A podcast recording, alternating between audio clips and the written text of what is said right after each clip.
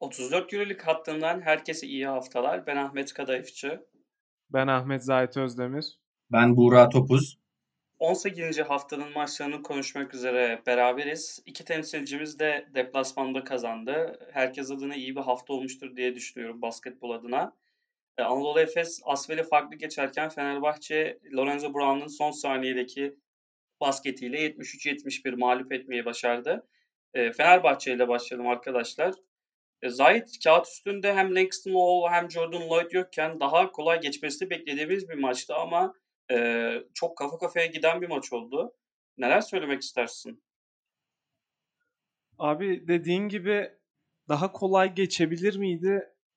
Belki bir nebze geçebilirdi ama Kızıl Yıldız sert bir takım. Yani yenilseler dahi çok yüksek skorlar yemiyorlar genellikle. O yüzden bu sertliği görmemizi ben bekliyordum. Ama hücum tarafında aldığımız riskler biraz bizim canımızı sıktı maç esnasında. Çünkü yaratıcı oyuncu açısından yani Kolom belki son haftalarda Kolom'la birlikte farklı bir opsiyon buldular kendilerine ama Jordan Lloyd yokken Walden'ın o kadar da büyük bir iş çıkaramayacağını düşünüyorduk ki ilk çeyrekte aslında Fenerbahçe biraz bunu göstererek başladı.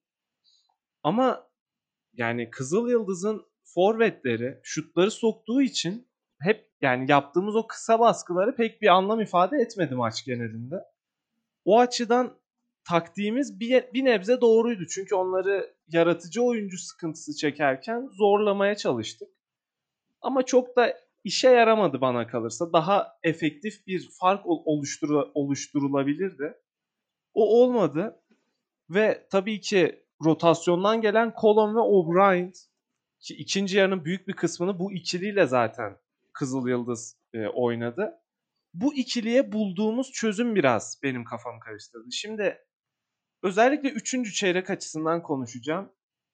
Eleştirilerim çünkü orada. Yani Kokoşkov'un rotasyon kullanımı biraz benim o noktada hoşuma gitmedi üçüncü çeyrek için. Hamilton'ı çok gereksiz oynattık. Yani özellikle Kızıl Yıldız o maçın başında yine forvetlerden şutlar buldu dedim. Üçüncü çeyrekte onları da bulamayıp Colon ve O'Brien'e biraz daha erken döndü. Ya onlara döndüğü sırada belki Veseli'yi dinlendirmek isteyebilirsin. Maç sonuna saklamak isteyebilirsin. Ama orada başka bir formülle oynayıp belki Bartel'i 5 numaraya çekip zaten O'Brien da tam bir 5 numara değil. Belki Bartel'i 5 numaraya çekebilirdi.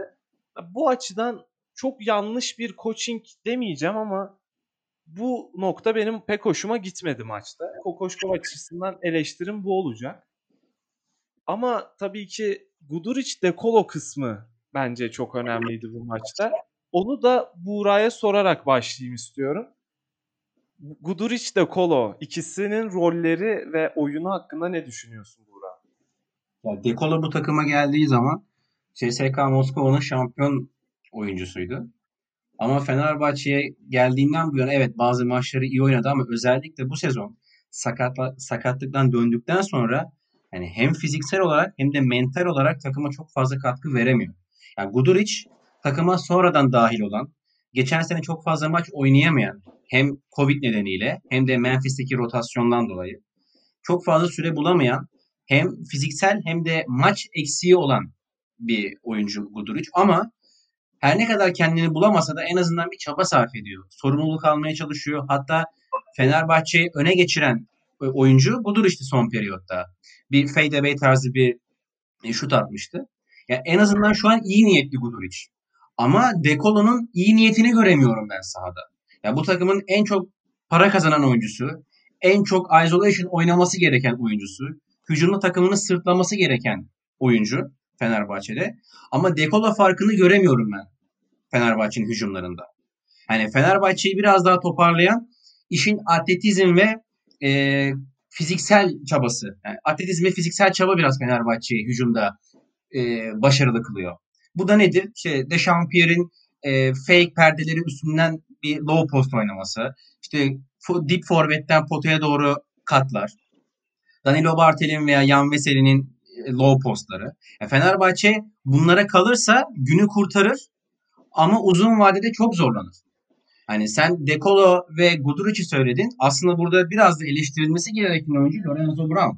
Tabii ki bu maç fena değildi. Game winner attı. Yani tebrik ederim Lorenzo Brown'u ama top yine hani sene başından beri aynı şeyi söylüyoruz. Top gerçekten yapışıyor Lorenzo Brown'un eline yarı saha basketbolunda. Fenerbahçe transition hücumları denediği zaman, yarı sahayı çok hızlı geçtiği zaman Lorenzo Brown çabuk oynadığında gerçekten çok efektif bir oyuncu oluyor. Ama yarı saha basketbolunda sorumluluk onun üzerine kaldığı zaman büyük bir problem yaşıyor Fenerbahçe. İşte bu problemi Dekolo ile çözmesi gerekiyor ama Dekolo ya istemiyor ya da hazır değil. Hani ikisinden birisi ama ben tam çözemedim ne oldu. Abi bu noktada bir şey ekleyip Kado'ya ve e, Ahmet'e vereyim sözü. Yani şöyle bir şey var. Guduric birebir oynamayı seçtiğinde 3-4 kere hücumda git git yaptı. Hani izolasyon. Uzunlar gitsin. Herkes gitsin. Eşleşmem var oynayacağım. De Colo bunu sezon başından beri belki hiçbir zaman yapmadı. Top elinde patlıyorsa bile bu hareketi yapmak bile bir sorumluluk alma belirtisidir. De Colo'nun bence en önemli eksiği o oldu. Hatta Guduric'le aynı anda sahadayken bile Guduric'in e, birebiri oynadığını gördük. Yani De Colo oynasa kimse bir şey demeyecek. Yani orada uzuna git ben oynayacağım birebir dese koç da bir şey demez. Hiç kimse bir şey demez. Bu açıdan De Colo'yu eleştirmek gerektiğini düşünüyorum. Tabii ki Lorenzo Brown'la ilgili de katıl, katılıyorum. Tweet de atmıştım onunla ilgili. Yani açıkçası yine duygu karmaşasına sürükledi beni. Maçın sonu iyi bitse de. Kado, e, Ahmet sen ne düşünüyorsun? Ya çoğu dediğiniz şeye katılıyorum ama hani Lorenzo Brown'ı hani 18. maç yani bu adam böyle yani. Ee, bomboş üçlük atamaz. Sonra step back çok zor bir şut sokar. Çok kolay turnikeleri atamaz. Game winner atar. Çok saçma e, şey turnikeler sokar. Savunmada çabalar, çok ilginç toplar çalar, e, yıpratır e, savunmadayken rakibine. Yani böyle bir oyuncu. Bence e, hani hem De Colo'nun etkisiz olması hem de Lorenzo Brown'un e, eline topun yapışması sebeplerinden biri Üçünün de hala net bir bir numara olmaması. Ya şimdi Buğra bana kızacak ama Alex Perez şu an e, olsa net bir bir numara ile görsek belki nasıl bir şey olur ben merak ediyorum. O Dekolo'nun işte Gudur için işte Brown'un kendi skorunu üretme konusunda e, nasıl olacağına dair ama Alex Perez şimdi biz top yönlendirici diyoruz da o da net bir yönlendirici değil ki. Hani o da kendi skorunu bulan bir oyuncu. Hani böyle tamamen Nick Calates, Facundo Campazzo e, rolünün daha düşük kalitede bir adam değil Alex Perez. O da yeri geldiğinde kendi skorunu bulmak isteyen bir oyuncu. Ya o yüzden bence oyuncuların kimliği oradaki oyunun kalitesini etkiliyor diye düşünüyorum. Melih Mahmutoğlu da bir yönlendirici değil. Bobby Dixon e, yanılmıyorsam sakatlığından dolayı kadroda değildi. Ya benim burada bir eleştirim Fenerbahçe'nin dış atı at yani dış atışı oyunları üzerine olacak. Şimdi Gerald Eddy hakkında 18. hafta e, bir takım kesin yargılarımız var. Ne bunlar? Gerald Eddy top sürebilen bir oyuncu değil. Top getirebilen bir oyuncu değil. Topla penetre edebilen bir oyuncu değil. İyi bir savunmacı değil. iyi bir reboundçı değil. Çok keskin bir şutu var. Yani burada herkes hemfikirdir diye düşünüyorum. Ama hala 18. hafta biz Gerald Eddy'den e, akan oyunda üçlük bekliyorsak e, bence onu oyunda gereksiz tutuyoruz diye düşünüyorum. Yani e, burada oyunda bence kendisinin üzerine aynı şekilde Melih Mahmutoğlu'nun da üstüne daha fazla set oynanması gerektiğini düşünüyorum. Oynanıyordur ya çok advanced ben anlamıyorum setleri ya çok kötü başlıyorlar setlere set dağılıyor bir şekilde olmuyor ama. Ya şimdi yarın öbür gün hani buradaki eleştirim tamamen Kokoşkova değil yani tüm staff'a. Yarın bir gün Andrea Trinker'in eline geçer. İşte Bart Zokas'ın eline geçer. Her 3 e, 3 ortalamayı tutturur maç başı 3 tane üçlüyor. O zaman biz de deriz ha bu adam işte daha efektif kullanılabiliyormuş diye.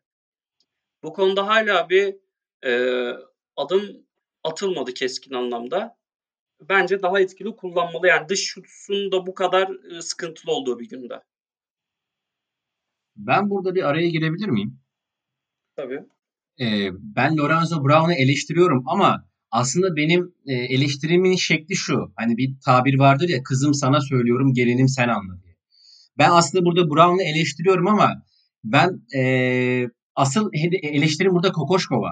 Şimdi bir oyuncu belli şeyleri yapabilir, belli şeyleri yapamaz. Oyuncuları yapabildikleri üzerinden sisteme dahil etmek lazım. Ya burada aslında benim eleştirimin yönü Kokoşkova. Hani bu adam 18. haftaya kadar e, be, belli göstergeler sundu bize. Ben yarı saha basketbolunu çok fazla efektif oynayamıyorum. Top benim elimde kaldığı zaman e, çok fazla üretemiyorum Dekola veya Guduric kadar. Ben yarı sahayı hızlı geçerim. Savunmada kollarım uzun. Top çalarım. E, hücuma tempo katarım. Yani bu ölçüde kullanması lazım Kokoşkov'un Brown'u. Bir de hemen yönü değiştiriyorum. Siz Hamilton'dan bahsettiniz ama ben e, bir arkadaşı daha eleştirmek istiyorum Fenerbahçe'de. Ahmet Düverioğlu. Kendisi Efes altyapısından yetişen bir oyuncu. 2016 yazında Fenerbahçe'ye transfer oldu. 2020'nin başına kadar yani pandemiye kadar bir basketbol efsanesi, bir basketbol duayeni Jeliko Obradoviç'te çalışmış bir basketbolcu. Ama kendisine sadece bir hareket katmış. O da nedir? Low post'a bir pas fake'i atıp çembere atak etme. Başka da hiçbir e, hareketi yok hücum repertuarında. Ayakları yavaş, vücut proporsiyonu çok enteresan. Ayakları yavaş olduğu için penetreden uzunları veya kısaları kollarıyla durdurmaya çalışıyor ve çok erken faal problemine giriyor.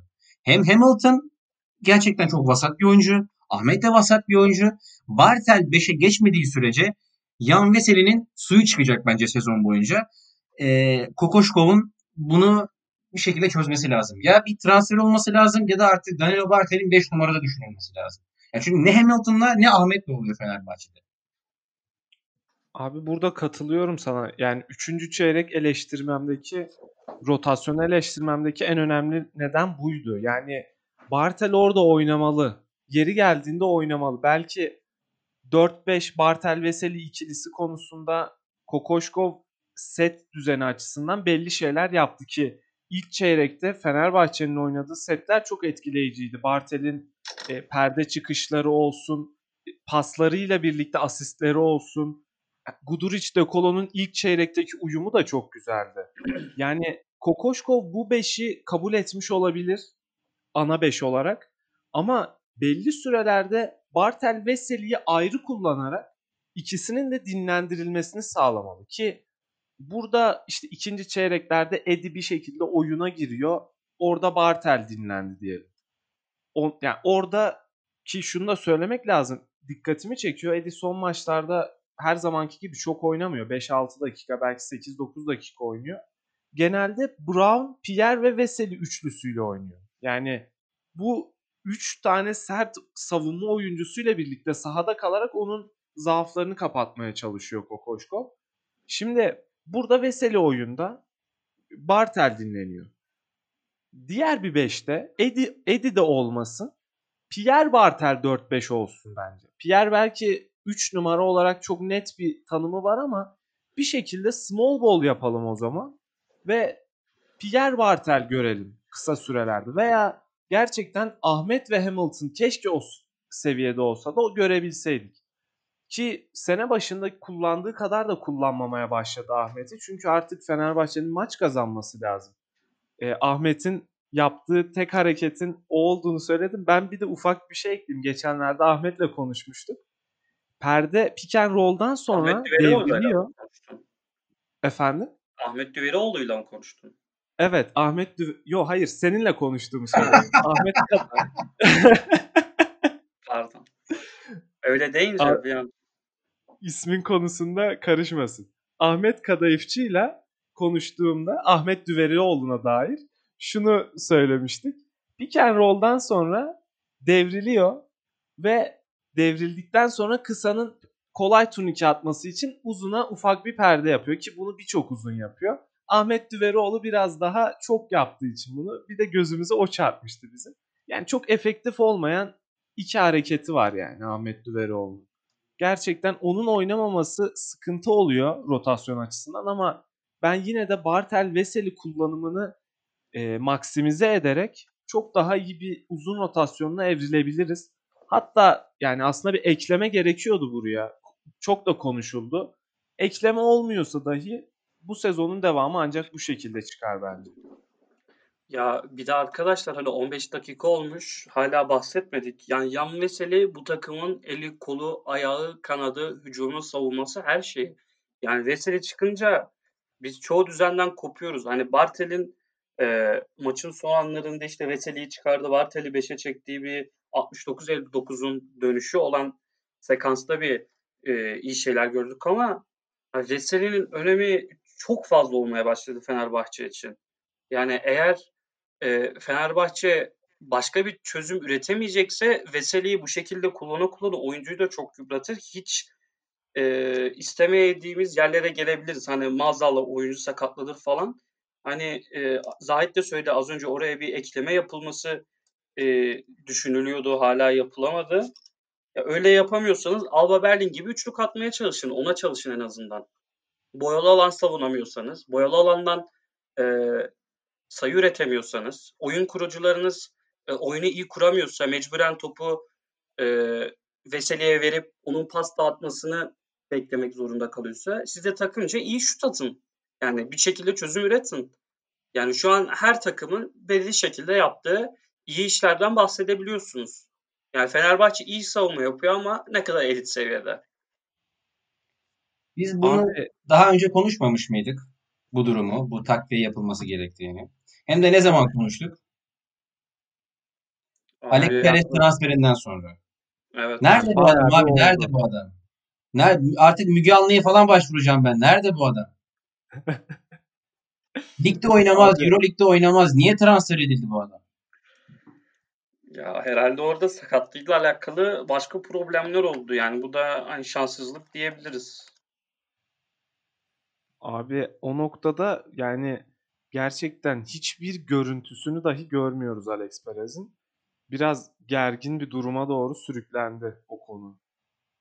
Ya onun yerine Fenerbahçe Alex Perez'e ayırdığı bütçeyle yani çok hücum yönü iyi olmayan ama savunmada atletizm katabilecek bir 4.5 numara hani 5 yani Bartel tarzı bir oyuncu alsa hem Bartel'in işini rahatlatacaktı hem Veseli'yi rahatlatacaktı ve 4 numarada bir rotasyon oluşturacaktı. Yani Fenerbahçe'nin şu an belki 1-2 galibiyet fazlası olacak. Yani bilmiyorum. Sözün bittiği yerdeyiz. Buradan normalde Efes'e geçmek istiyordum da e, bir soru aklıma geldi. Şimdi Buğra işte 4.5 numara gibi dedi. E, Derek Williams tam e, onun tarımı değil ama acaba Derek Williams kadroda kalsa bu kadroda nasıl bir rol olurdu sizce? Olumlu veya olumsuz kendisi, anlamda. Kendisi gitmek istedi. Direkt Valencia ile anlaştı. Yo yani diyelim ki kalsaydı. Ha, vallahi güzel olurdu ya. Cidden. Çok keyifli bir takım olabilirdi Fenerbahçe. Bence de bu bu bak geçen seneki kadroya gitmiyordu da bu seneki kadroya gidebilirdi Derek Williams. Bence de oyun anlamında hani hem e, koç olarak şey değil Kokoşkova daha çok uyabilecek bir oyuncu gibi duruyordu. Ya evet. savunmada çok büyük defo.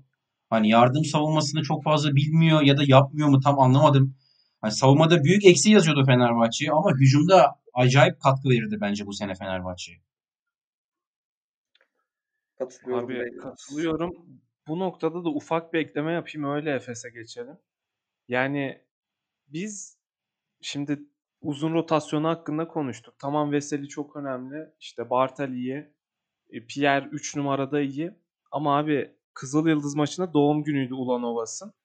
Buğra da bahsetti bayağı son haftalarda. Ulanovas gerçekten artık biraz katkı ver, verirse o bahsettiğim Pierre'in 4 numaraya kaydığı kısa e, anlarda, kısa sekanslarda görebiliriz. Ama Ulanovas'ın iyi oynaması lazım. Çünkü çok fazla sahada kalamıyor efektif bir biçimde. Onu da ekleyeyim yani. Şu an ekleyeceğiniz bir şey yoksa Efes'e geçebiliriz. Benim yok.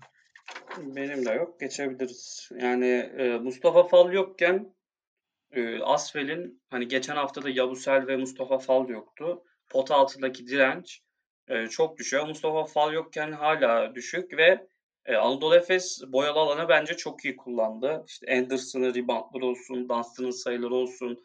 Singleton ilginçtir. Kendi reboundını alıp falan atıyor. O da e, geçen haftanın aksine çok e, ilginç bir şekilde iyi oynadı. Larkin Mitsic de iyi gözüktü. Ama bu şekilde bir maç bekliyordu herhalde. Çok ekstra Neler görebildiniz siz Efes adına? Buğra sen başla istersen Efes adına. Ben de tam sözü sana verecektim ama tamam ben başlayayım. Ya ben aslında bu kadar rahat bir maç beklemiyordum. Çünkü e, evet Efes kendi düzeniyle başlıyor ama bu zamana kadar gördük ki bazı takımlar mesela özellikle Asvel ve Real Madrid Anadolu Efes'i hücumdaki yüksek yüzdeleriyle ve yaptıkları sert savunmalarla ki özellikle Asvel burada bir tam sağ pres yaptı. Efes bir anda sudan çıkmış balığa döndü. Ben böyle bir şey bekliyordum. Hani evet Efes başlayacak güzel bir şekilde. Ama Asvel devamında enteresan bir üçlük yüzesi tutturacak. Bir anda tam saha prese dönecekler ve Efes yine bir şekilde zorlanıp maç kafa kafaya gelecek diye düşündüm ama buradaki en önemli faktör Mustafa Fal'ın yokluğunda Efes'in rahat hücum etmesi. Şimdi Efes rahat hücum ettikçe bu sefer Asvel'in de direnci düşmeye başladı. Her ne kadar Charles Cahudi'den ki çok vasat bir oyuncu bence. Üçüncü periyotta çok ekstra basketler bulsalardı. Norris Cole böyle biraz inat etse de maçın başında geçen sene Bursa Spor'dan tanıdığımız Aleric Freeman yüzdeli başlasa da Anadolu Efes hücumda tıkır tıkır basketbol oynadı. Yani çok fazla eleştirebileceğim bir şey yok Anadolu Efes'le alakalı. Ya benim eleştireceğim tek şey var. Ya tam nedenini bilmiyorum. O yüzden böyle ahkam kesmek istemiyorum ama artık ben Larkin'in somurtan bir suratını görmek istemiyorum. Takım için gerçekten çok önemli bir oyuncu. Ee, ikinci periyodun sonunda yani devre biterken çok enteresan bir tercih yaptı ve Ergin Ataman'la bir anda bir gerilme oldu orada. Yani ben antrenör olsam daha farklı bir tepki verirdim. Yani ne yalan söyleyeyim. Biraz daha kızardım Larkin'e. Çünkü öncesinde de çok kötü bir tercih yapmıştı. Yani maç 20'deyken aslında çok fazla kızılmaz mı? Evet kızılmaz. Ama yine de Larkin'in artık bir toparlaması lazım. Tamam sahada artık bir şeyler deniyor. Daha iyi, daha olumlu işler yapmaya çalışıyor. İyi niyet göstermeye çalışıyor ama ya bakıyorum Baskonya'da Pierre Henry her an böyle atik davranıyor, takım arkadaşlarını motive ediyor, kendisini motive etmeye çalışıyor, antrenörle konuşuyor, bir e, fikir alışverişi yapıyor Duško Ivanovic'le. Ama Larkin'e bakıyorum adam olmayacak bir üçlük isabeti buluyor ya da ne bileyim çok güzel bir penetre ediyor. Yine suratı bir, bir poker face. Hani hatta daha kötüsü belki de. Ben bir tek Anadolu Efes'te bunu eleştirebilirim. Onun dışında Anderson çok iyiydi. Geçen hafta Singleton'ı çok ağır eleştirmiştim. Bu hafta hakikaten çok güzel bir basketbol sergiledi. Efes için söyleyeceklerim bu kadar. Abi e, yani büyük oranda Efes'le ilgili söyleyecek şeyler olumludur. Ama şu noktaya değinmek istiyorum. Şimdi Asvel bana kalırsa Fal'ın yokluğundan dolayı değil. Fal varken de çok kötü bir pot altı savunmasına sahip. Onlar e, onları kazandıkları maçlardan sonra ahşap zeminde konuşmuştu. Onun da nedenini ben ahşap zeminde de söyledim. Hani Asvel böyle devam edemez. Ben dedim iyi oynuyorken konuşayım Asvel'i. O noktada da söylemiştim. Asvel çok top çalarak ve işte risk alarak geçiş oyunlarında da şutları sokarlarsa kazanıyorlar. Zaten o dönemde de öyle oldu. Şimdi bu maçta zaten Efes çok az top kaybediyor. Bu maçta o, o da yok ellerinde. E hücumda hücumda Fal'ın yokluğunu ben bence daha çok hissettiler. Çünkü Fal'ın belki post-up oyunları biraz daha maç başında onlara direnç göstertecek bir şey olurdu. O olmadı. Abi ama Efes konusunda biraz şöyle bir eleştirim olacak benim. Tam eleştiri değil aslında. Yani kaygı kaygı oluşmaya başladı. Şimdi ilk yarıda kullandığı beş Ergin Ataman'ın neredeyse hiç değişmedi. Çok fazla aynı oyuncularla oynadı. Yani Ergin Ataman maçları koparmak adına bunu yapıyor ama maç beşini bulmak gibi hani nasıl söyleyeyim o maçta tamam bir beşi kullanırsın ama o beşi bulduktan sonra bazen dinlendirirsin maç sonuna saklarsın bir şey yaparsın. Ergin Ataman bunu yapmadığı için büyük maçlarda bunun ceremesini çekti. Şimdi Asvel maçında belki sorun olarak öne çıkmadı. Belki önümüzdeki hafta da çıkmayacak. Ama bence alışkanlıklar artık biraz daha rotasyona doğru evrilmeli. Yani son periyot garbage time oynanmasa dediğin gibi Asvel bir geri dönse o zaman gerçekten durum farklı bir hal alabilirdi. Yani o noktada e, bilmiyorum Ergin Ataman'ın rotasyon tercihleri kabul edilebilir diyordum büyük maçlarda. Ama bunun bu Asvel gibi haftaya göreceğiz kim kim maçında, Alba maçında.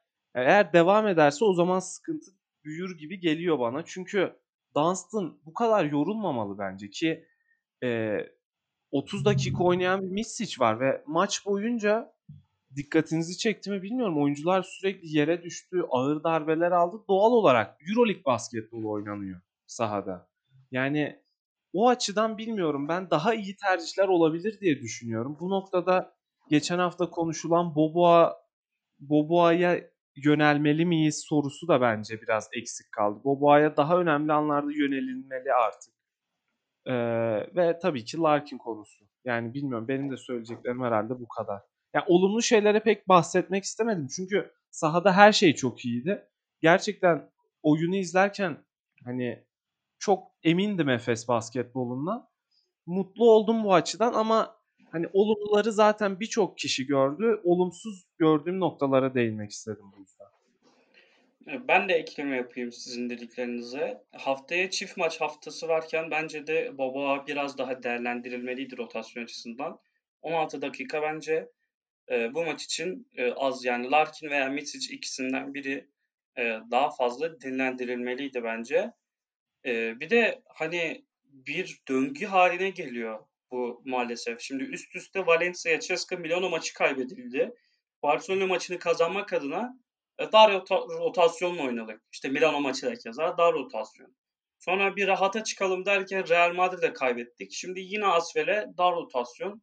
Şimdi Alba'yı kim ki rahat denip Zenit'te yine dar rotasyonla işte mesela birini kaybedersek Zenit'i yine dar rotasyonla mı yenmeye çalışacağız? Ya bu konuda ben de eleştirilerinize hak veriyorum. Bir de son çeyrek bir beş var. Burhan Tuncel, Doğuş Balbay, Rodrik Bobo, Adrian Muerman, Sertaç Şanlı. Sadece iki dakika dayanabildiler. Yani en azından bir skoru tutsaydınız. Yani akabinde Larkin, Mitsic, Anderson, Singleton. Dördü de girmek zorunda kaldı. Hani bench'teki oyuncular da hani rotasyon dedik ama bir varlık gösteremiyorlar gibime geliyor. Yani Asfel bir anda e, başlıyor sokmaya. İşte biz hücum edemiyoruz. Rotasyondaki oyuncuların da bence bir kendilerine gelmesi lazım. Ki bu saydığım oyuncular e, Muerman'ı ayrı tutuyorum. Yani hani bu eleştirim biraz Sertaç Doğuş ve Buğra'ya ligde de çok iyi oynamıyorlar bence. Ben e, normalde ligi çok takip edemiyordum ama son 3-4 maça bakmaya çalışıyorum. Hani özellikle Antep maçı hiç iyi değildi oyuncular. Özellikle rotasyon oyuncuları. Ben burada araya girmek istiyorum. Katılmadığım tek bir isim var. O da Burhan Tuncer. Antep maçını izlemedim ama bu sene Anadolu Efes'in diğer 14 lig maçını da izledim ben. Ee, Burhan Tuncer gerçekten lig maçlarında elinden gelenin en iyisini yapıyor. Ama Euroleague'de Ergin Ataman nedense pek şans vermiyor Burhan'a. Burhan da kaç haftadır sıfır dakika alıp hani bir dakika iki dakika da değil. Hani sıfır dakika aldıktan sonra bir anda bir Euroleague maçına çıkıyor. Hani o sertlikten çok uzak kalıyor. Hani burada Burhan'ı ben es geçmek istiyorum açıkçası. Yani çünkü ligde iyi oynamasına rağmen Ergin Ataman onu Euroleague'de pek değerlendirmek istemiyor mu yoksa kafasında farklı bir defansif veya ofansif bir şablon mu vardı Burhan'a uymuyor onu bilemiyorum. Ama diğer arkadaşlara %100 katılıyorum. Hani Sertaç, Tolga Geçim. Ha Doğuş Balbay'ın çizgisi belli ama Sertaç ve Tolga Geçim'in artık yani biri 92 ya da 91 doğumlu, Tolga da 96 doğumlu. Yani artık genç oyuncu da değilsiniz siz yani. Hani normal yaşta bir oyuncusunuz.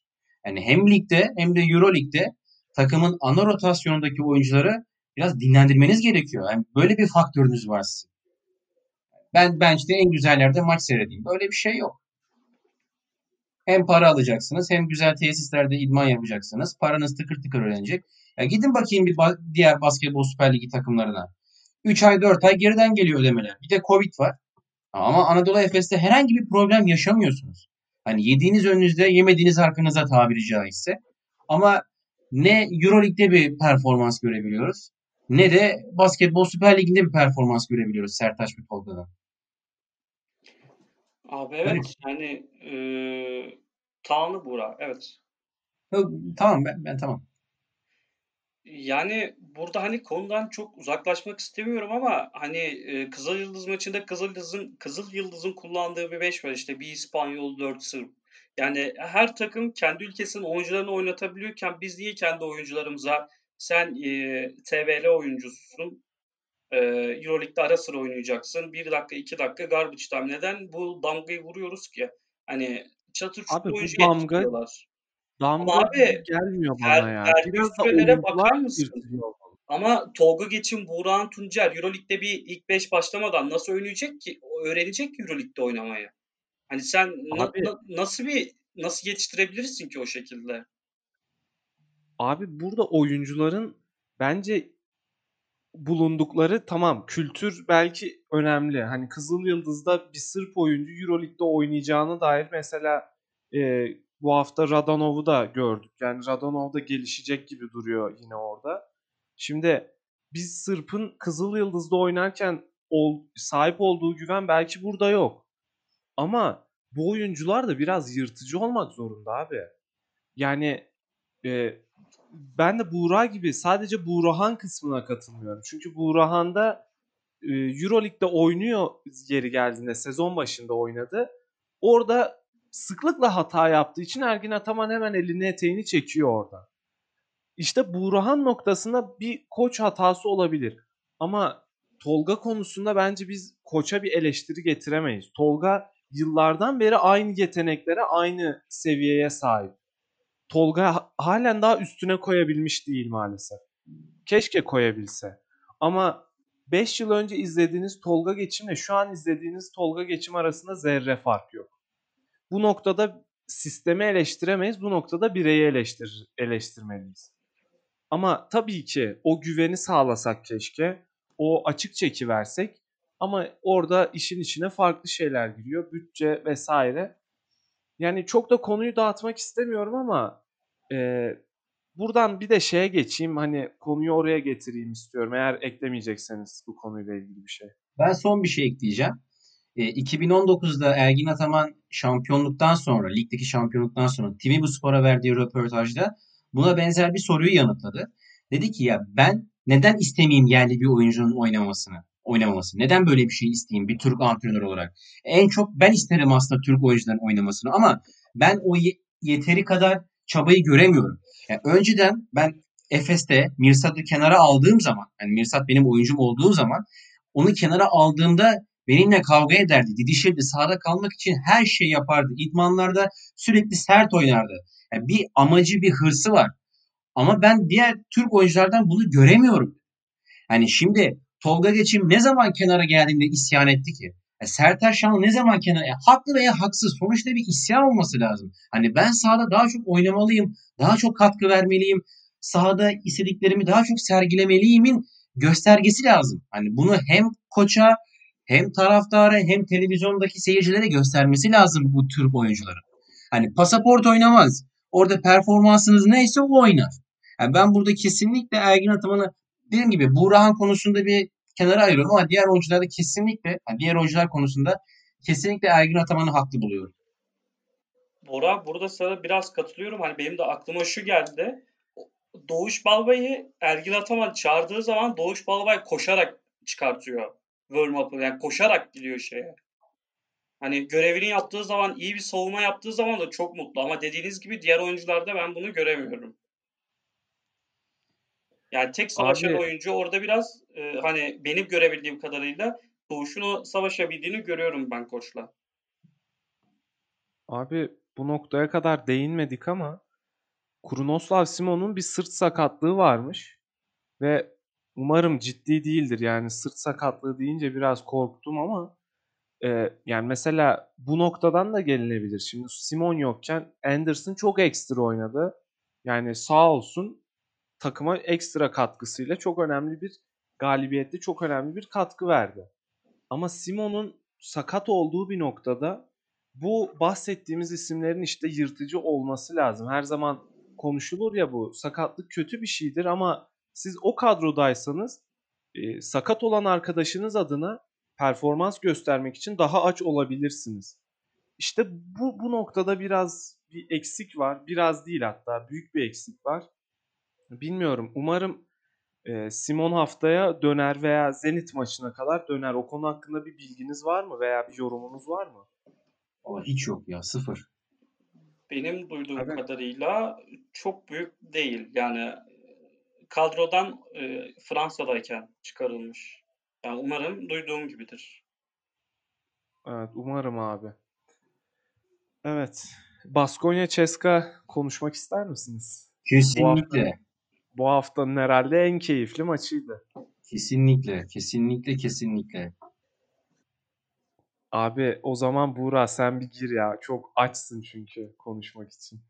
Ya ben şöyle başlayayım öncelikle sohbeti. Bu aralar rahatım. Sınavlarım yok. Hastaneye gidiyorum. Arada hasta bakıyorum.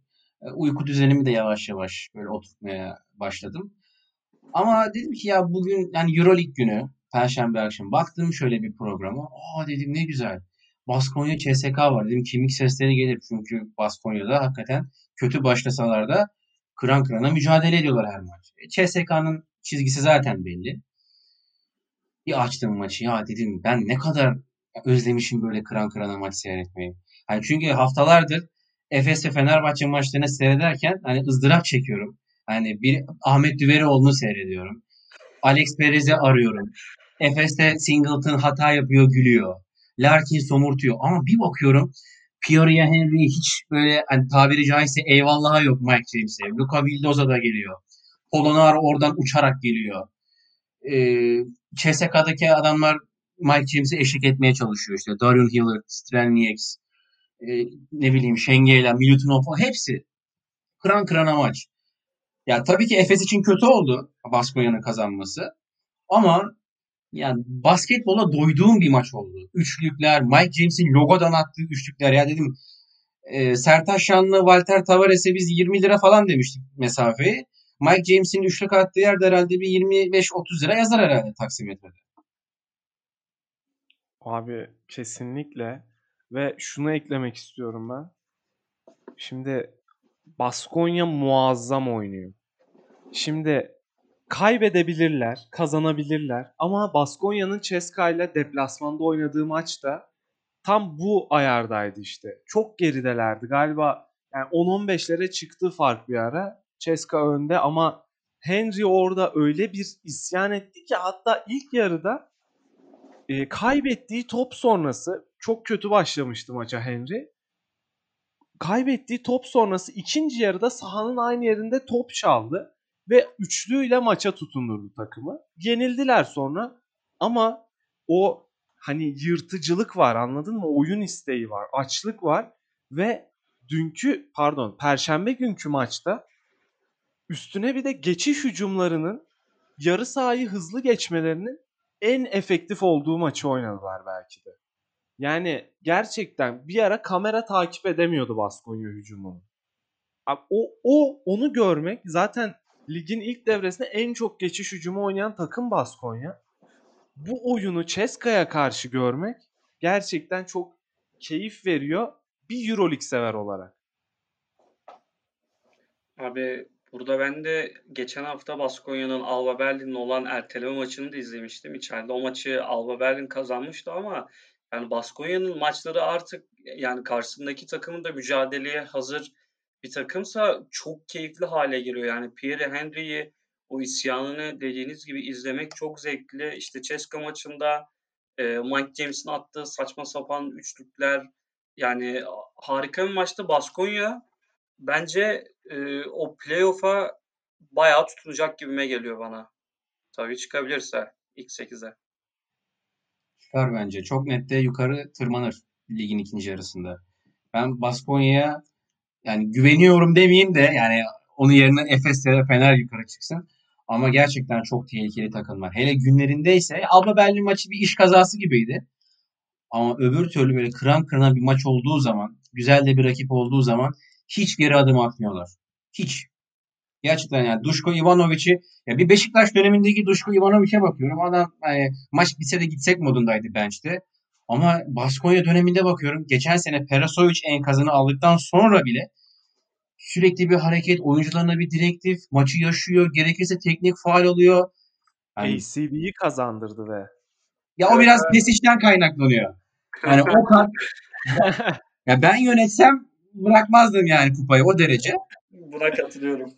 Yani Pesic gibi bir adam yani açık ara şampiyon yapması gereken kadroyu Ya bir de şey yaptı ya Ivanovic'e bu kupaya son kez dokun bir daha dokunamayacaksın falan demişti. Büyük lokmaya büyük laf etme demişler işte. Abi e, Baskonya konusunda bir de şunu ekleyeyim. Yani senenin başında da ben Baskonya'nın böyle keyifli ve işte hızlı bir basketbol oynayacağını öngörüyordum ama ben dar rotasyonlarından dolayı bu kadar uzun süre efektif kalabileceklerini düşünmüyordum. Yani ama Ceska maçında Sedekerskis çıktı. 8-10 sayı falan attı. Yani onlara da verebildiği kadar Kuruçsu olsun, işte Zoran Dragic yaşlı ama onu olsun süreler vererek bir şekilde e, ana oyuncularından maksimumunu alıyor Cekiri haricinde. Yani dediğin gibi Ivanovic de aslında iyi bir iş çıkardı şu an şu ana kadar. Bu hafta böyle olsun. Evet. E, Ahmet ekleyeceğim bir şey yoksa kapatabiliriz. Ekleyeceğim bir şey yok abi. Kapatabilirsin. Ben son bir şey eklemek istiyorum. Ee, yoğun bir talep üzerine iki tane selam göndermek istiyorum. İki Efes'te dostuma. Biri Anıl Türkseven, biri de Eray Üstadım. Onlara buradan selam göndermek istiyorum. Biz de selam gönderelim abi. Evet 34 Euroleague hattından bu haftalık bu kadar diyelim. Ee, umarım keyif almışsınızdır. Görüşmek üzere.